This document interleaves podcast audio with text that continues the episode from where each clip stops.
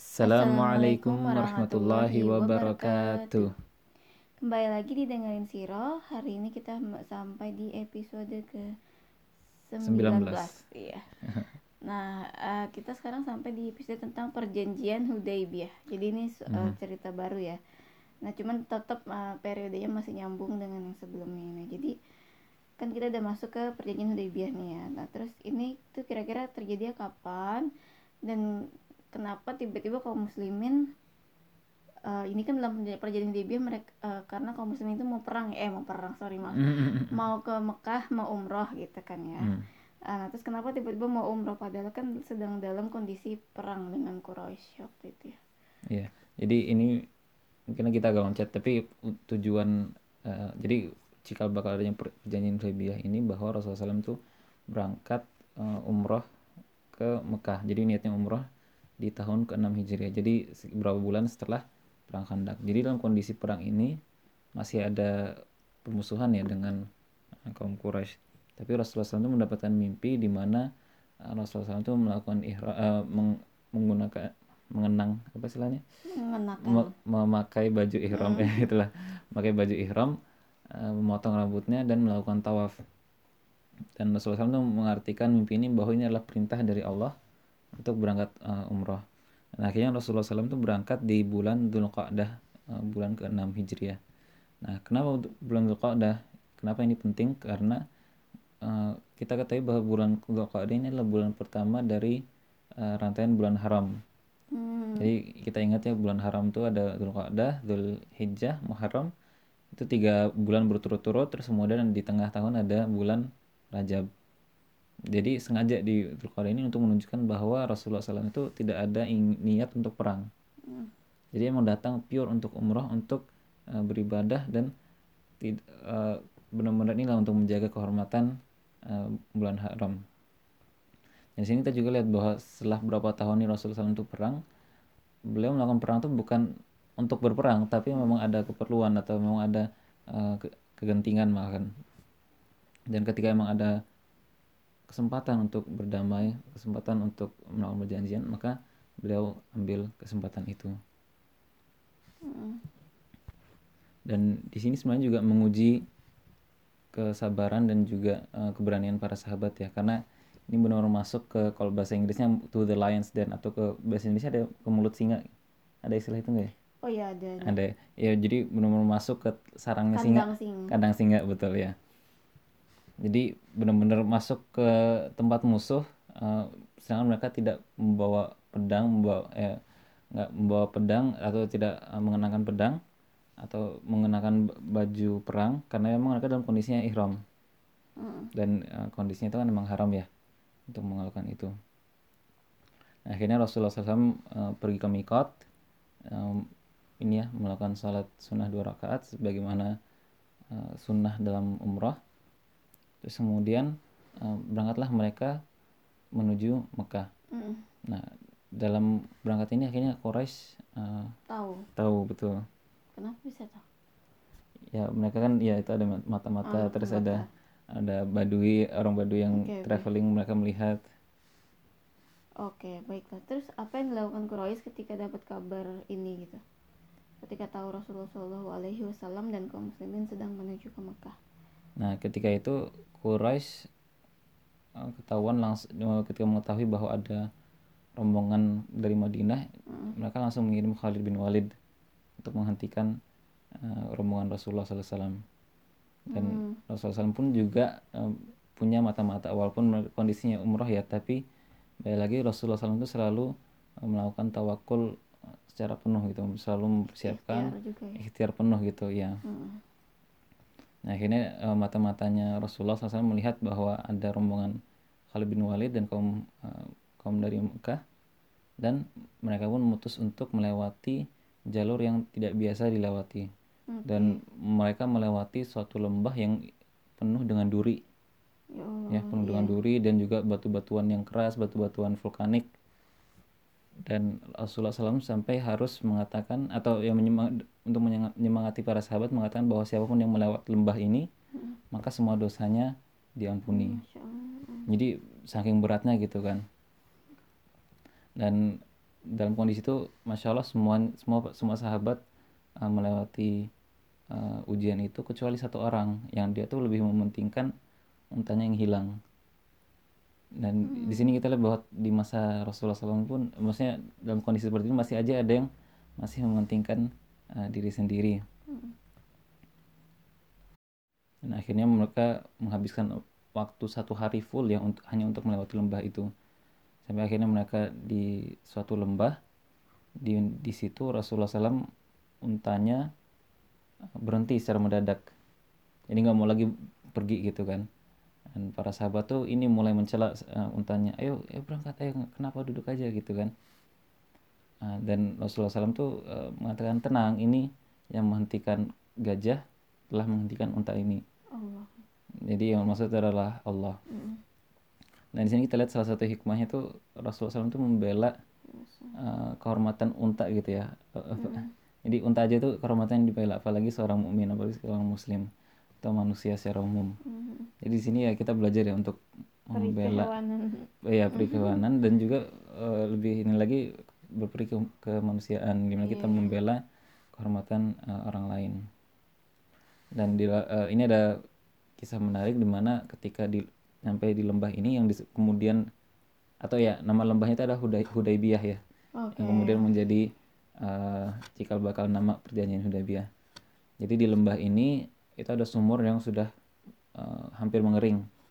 Dan para sahabat pun mengadu ke Rasulullah SAW bahwa ini uh, airnya sudah mau habis. Nah akhirnya Rasulullah SAW tuh uh, memerintahkan untuk uh, satu apa istilahnya? Satu ember diangkat gitu ya. Ya hmm. satu ember diambil dari uh, sumurnya. Terus Rasulullah tuh mengambil airnya berkumur-kumur dibuang lagi ke embernya terus ditaruh lagi ke sumur dan di saat itu juga tiba-tiba mujizat Allah datang dan uh, airnya langsung keluar dari sumur langsung langsung banyak uh, langsung terisi lah sumurnya ini salah satu mujizat yang terjadi uh, di perjanjian Hudaybiyah dan di sini kita ketahui bahwa kaum Quraisy pun tidak berhenti untuk uh, menyerang okay. ya menyerang Rasulullah SAW. Jadi ketika mengetahui bahwa Rasulullah SAW itu belok arah ya, uh. Mereka kejar sampai akhirnya mencapai uh, ke Hudaybiyah ini di pagi hari sebelum fajar dan mereka berharap untuk bisa menyerang kaum muslimin dalam kondisi mereka ber, uh, tertidur gitu kan. Hmm. Tapi ternyata uh, qadarullah kaum muslimin waktu itu sudah terjaga dan justru pasukan Quraisy ini dengan gampang dikepung oleh uh, kaum muslimin. Hmm. Nah, tapi di sini uh, Rasulullah SAW tidak memerintahkan mereka untuk dibunuh atau diperangi. Dan di sini balik lagi menunjukkan bahwa Rasulullah SAW tidak ingin uh, perang, tidak ingin ada darah yang tertumpah. Nah, akhirnya 80 orang ini dipaksa untuk menyerah dan mereka pun dipulangkan uh, ke Mekah. Oh, 80 orang berarti ya pasukan kalau di sini. Iya, betul. Dan dari sinilah mulai uh, kaum Quraisy dan kaum muslimin saling mengirim utusan. Hmm. Jadi mereka mulai mulai dari utusan yang dari partai netral gitu. Jadi ada ada suku tetangganya Quraisy dari Khuza'ah itu di diutus terus juga dari uh, Banu Sakif ya. Banu Sakif yang tinggal di Taif itu hmm. dikirim.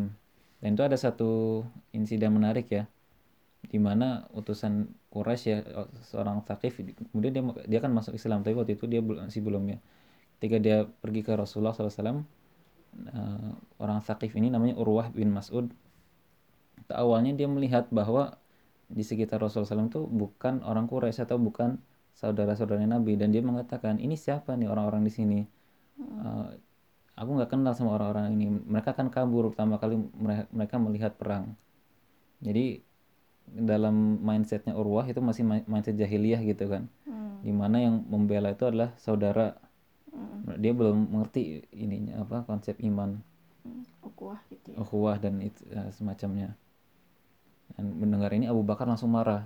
Jadi Abu Bakar tuh marah bukan dia diledek tapi dia marah karena Rasulullah SAW itu diledek bahwa uh, sahabat-sahabatnya akan meninggalkannya. Abu Bakar langsung marah dan langsung mengatakan kata-kata yang vulgar. Jadi bahkan Abu Bakar pun bisa seperti itu. Tapi akhirnya Urwah bin Mas'ud nih utusan Quraisy tadi, dia setelah uh, berinteraksi dengan Rasulullah SAW dan kaum muslimin, dia malah uh, balik arah uh, balik arah maksudnya pandangannya berbalik. Yang tadinya dia meremehkan kemudian dia malah memuji. Uh, dia mengatakan bahwa saya sudah pernah ke istananya kaisar saya sudah pernah ke istananya Kisrah di Persia. Saya sudah pernah ke uh, istananya Najasyi di di Habasyah. Tapi saya belum pernah melihat seorang pemimpin yang lebih dihormati daripada Muhammad uh, Sallallahu jadi begitulah apa sangat terkesannya Urwah bin Mas'ud ini. Dan akhirnya kaum Quraisy pun juga masih ini ya masih dead end. Kena nah sini kita melihat bahwa kenapa kaum Quraisy ini uh, menolak kaum muslim untuk masuk dalam masuk untuk umroh ya. Kenapa? Sedangkan mereka tuh secara umum tuh nggak pernah uh, menolak seorang pun.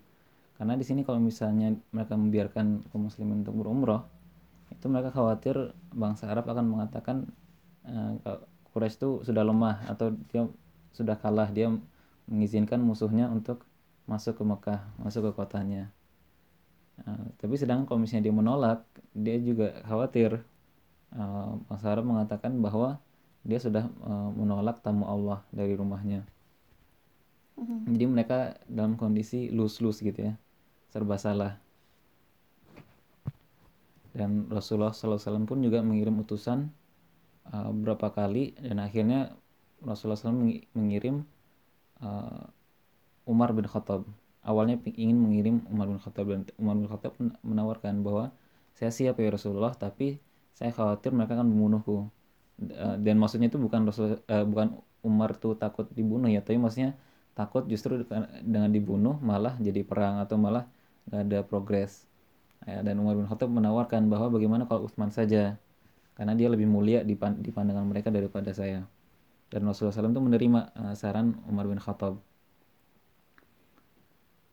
kenapa uh, Utsman itu lebih mulai mulia karena Utsman itu adalah bangsawan itu iya dia dari kelas bangsawan dia dari dia masih ada hubungan darah langsung ke Abu Sufyan jadi ingat okay. Abu Sufyan itu kan sekarang uh, pemimpin de facto-nya Mekah ya jadi Utsman itu adalah sepupunya jadi dia sangat uh, terlindung Hmm, gitu. Oke, oke. Nah, terus apa yang terjadi sama Usman? Apakah uh, negosiasinya berhasil atau gimana? Nah, Utsman radhiyallahu anhu ketika di Makkah itu negosiasinya cukup lama, hmm. justru lebih lama dari yang diprediksi atau okay. atau yang diperkirakan. Hmm. Jadi harusnya paling cuma sehari atau berapa hari itu ternyata 4 5 hari. Okay. Dan kaum muslimin itu sudah mulai khawatir apakah Utsman masih hidup atau tidak. Ini belum ada kabar sama sekali dari darinya dari yang tadinya apa mengira apakah dia meninggal sampai ada sampai ada yang yakin tuh pasti dia meninggal nih hmm. nah dalam kondisi seperti ini Rasulullah SAW mengatakan bahwa kalau uh, Utsman benar dibunuh maka kita, kita tidak akan meninggalkan tempat ini sampai kita uh, melawan mereka sampai kita memerangi mereka jadi memang dalam kondisi apa pun kalau namanya yang namanya duta atau utusan hmm. itu nggak boleh dibunuh itu apa politik one on one atau misalnya international relationship one on one. Kalau misalnya dibunuh itu berarti sama saja menyatakan uh, perang. Dan Rasulullah SAW itu menyatakan, ayo siapa yang uh, siapa yang apa istilahnya? Inti ya intinya ini kita harus uh, melawan atau misalnya balas dendam uh, kaum Quraisy kalau misalnya benar uh, Utsman ini dibunuh. Dan lihatlah di sini kaum muslimin itu dalam kondisi mereka capek ya lapar haus dan mereka tidak datang ke sejauh ini untuk berperang hmm. tapi ketika diminta untuk berperang mereka uh, siap. Dan akhirnya dalam uh, di bawah pohon ya maaf. Di bawah pohon ini Rasulullah SAW itu menerima bayah bayah baru. Jadi bayat untuk hmm. perjanjian bahwa mereka akan berperang. Dan bayat ini disebut sebagai bayat Ridwan. Bayatul Ridwan. Nah Ridwan? itu artinya adalah uh, dari ridho ya. Oh, okay. bahwa Allah sudah ridho dengan uh, dengan mereka. Okay.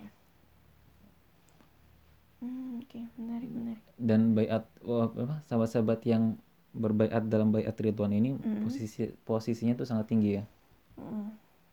uh, bahkan lebih tinggi maaf bahkan uh, hanya kalah tinggi sama uh, posisi yang perang di perang Badar. Mm. Jadi orang-orang Badr al-Badriyun itu uh, sangat tinggi derajat paling tinggi lah secara kelompok ya mungkin secara individu ada sahabat-sahabat yang lebih tinggi tapi Badar tuh secara kelompok itu paling tinggi. Nah yang kedua itu siapa? Itu adalah uh, para sahabat yang terlibat di Bayatul Ridwan. Oke. dan kemudian semua sahabat tuh ini ya menaruh tangannya di ta- di tangan Rasulullah SAW dan melakukan perjanjian.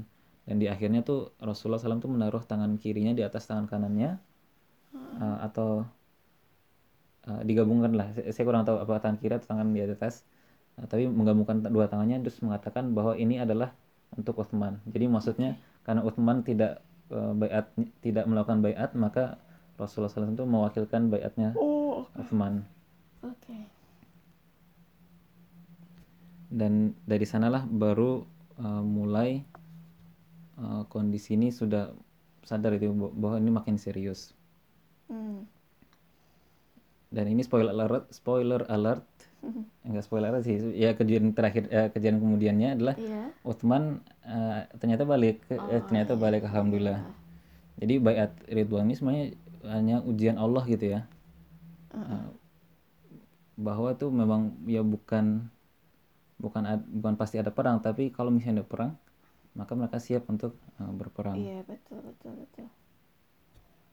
Kalaupun ada perang juga kan karena dibunuh kan Iya. ada yang dil- ada yang dilanggar gitu itu utusan seorang utusan dibunuh gitu. Ya, jadi ketika Quraisy ini sadar re- kaum muslimin itu sudah melakukan bayat tadi itu ya, Mm-mm. mereka sadar nih Utsman harus segera dipulangkan. Akhirnya mereka eh, pulangkanlah Utsman eh, dalam kondisi eh, tidak apa-apa, tuh. ya betul. Oke, mungkin buat episode sekarang kita berhentikan di situ dulu. Eh, kemudian di eh, di episode selanjutnya kita akan bahas eh, perjanjiannya langsung ya. Hudaybiyahnya. Hudaybiyahnya langsung. Jadi sekarang masih stalemate ya kaum muslimin mau masuk ke Mekah untuk umrah tapi dihadang oleh Mm-mm. uh, kaum Quraisy. Nah, akhirnya mereka uh, ada perjanjian. Mhm. Nah, kita bahas besok insya Allah uh, perjanjiannya itu seperti apa. Oke. Oke, terima kasih. Aku coba rangkum beberapa hikmah ya atau poin pentingnya gitu ya. Ah, bukan poin sih. Iya, iya, iya. Oke, Iya. hikmah lah ya. Jadi pertama ini ya, kayak menunjukkan kembali eh, ikhtiar penuh dan tawakalnya Rasulullah Shallallahu Alaihi Wasallam itu dari tadi eh, Rasulullah tetap mengirimkan utusan gitu ya. Tidak hanya pergi aja gitu umroh gitu. Terus juga yang kedua tentang oh ya ketika melewati lembah yang berduri itu eh, pelajaran buat kita jangan memikirkan diri sendiri gitu ya kan ada satu orang yang tidak berhasil melewati gitu kan ya. Nah terus tentang sikap Nabi Muhammad Shallallahu Alaihi Wasallam yang menjaga kehormatan unta gitu. Jadi kayak Hmm. eh, hewan aja dibela dan disayang gitu apalagi manusia gitu. Menunjukkan sifat mulianya salah satu sifat mulianya Nabi Muhammad Shallallahu Alaihi Wasallam. Dan itu sebenarnya juga apa tanda dari Allah bahwa ini, oh sekarang ini tempatnya untuk istirahat. oke. Tempat iya iya betul. Jadi eh, kenapa untanya berhenti ya pasti ada hikmahnya gitu kan. Hmm, iya. Uh, nah terus kemudian uh, tentang ini ketika utusan dari Quraisy dari Bani Sakif uh, menghina ya awalnya. Bukan menghina sih kayak menanyakan gitu. Meremehkan Remehkan betul. ya. orang-orang Ansor ya yang tidak dikenal gitu kan. Kemudian Abu Bakar membela Nabi Muhammad Shallallahu Alaihi Wasallam. Nah ini menunjukkan penghormatan Abu Bakar ke Rasulullah Shallallahu Alaihi Wasallam sehingga uh, utusan dari Bani Sakif tersebut akhirnya berbalik membela gitu kan uh, memuji memuji Memuji, Nabi betul. Muhammad Sallallahu Alaihi. Wasallam terus juga dari Quraisy ya Quraisy yang kemudian apa namanya eh, kenapa sih dia menolak kaum muslimin datang gitu kan jadi kan dia ya kalau ditolak nanti kata bang Sarap begini tapi kalau diterima kata bang Sarap begini jadi Hmm, kayak serba salah itu. eh, dan memikir, me- me- me- menunjukkan mereka memikirkan kata-kata manusia gitu ya nah, dan jadi pelajaran buat kita gitu kan ya Iya. Susah yang mikirin apa? Iya, mikirin orang kata tuh. orang tuh kayak mikirin omongan tetangga gitu kan. Iya gitu. Jadi fokus kalau umat muslim kan kalau yang di sini kan kayak apa ya? Mereka ya udah yang penting kata Allah itu apa, kata Rasulullah Mhm. Shallallahu alaihi wasallam itu apa gitu ya. Nah, kemudian yang terakhir eh Ba'iyat Ridwan itu sendiri ter- itu merupakan ba'i ba'iyat Bayat. ba Bayat. Bayat, oke. Bayat Ridwan ini sendiri merupakan ujian Allah untuk menguji keimanan kaum muslimin dalam kondisi lemah. Jadi udah kelaparan, perbekalan mungkin sudah mau habis gitu ya. Iya. Eh, apakah eh, mau berperang apa enggak gitu kan. Jadi sebenarnya tidak terjadi perang gitu kan, cuman mau diuji aja keimanannya gitu. Kalau benar Utsman dibunuh, ya apakah kaum muslimin tetap akan mau berjuang gitu aja sih. Iya, Allah. Oke, sekian dulu dari kami. Semoga bermanfaat. Nantikan pojok hikmahnya di Instagram. Ya, assalamualaikum Assalamualaikum warahmatullahi warahmatullahi wabarakatuh. wabarakatuh.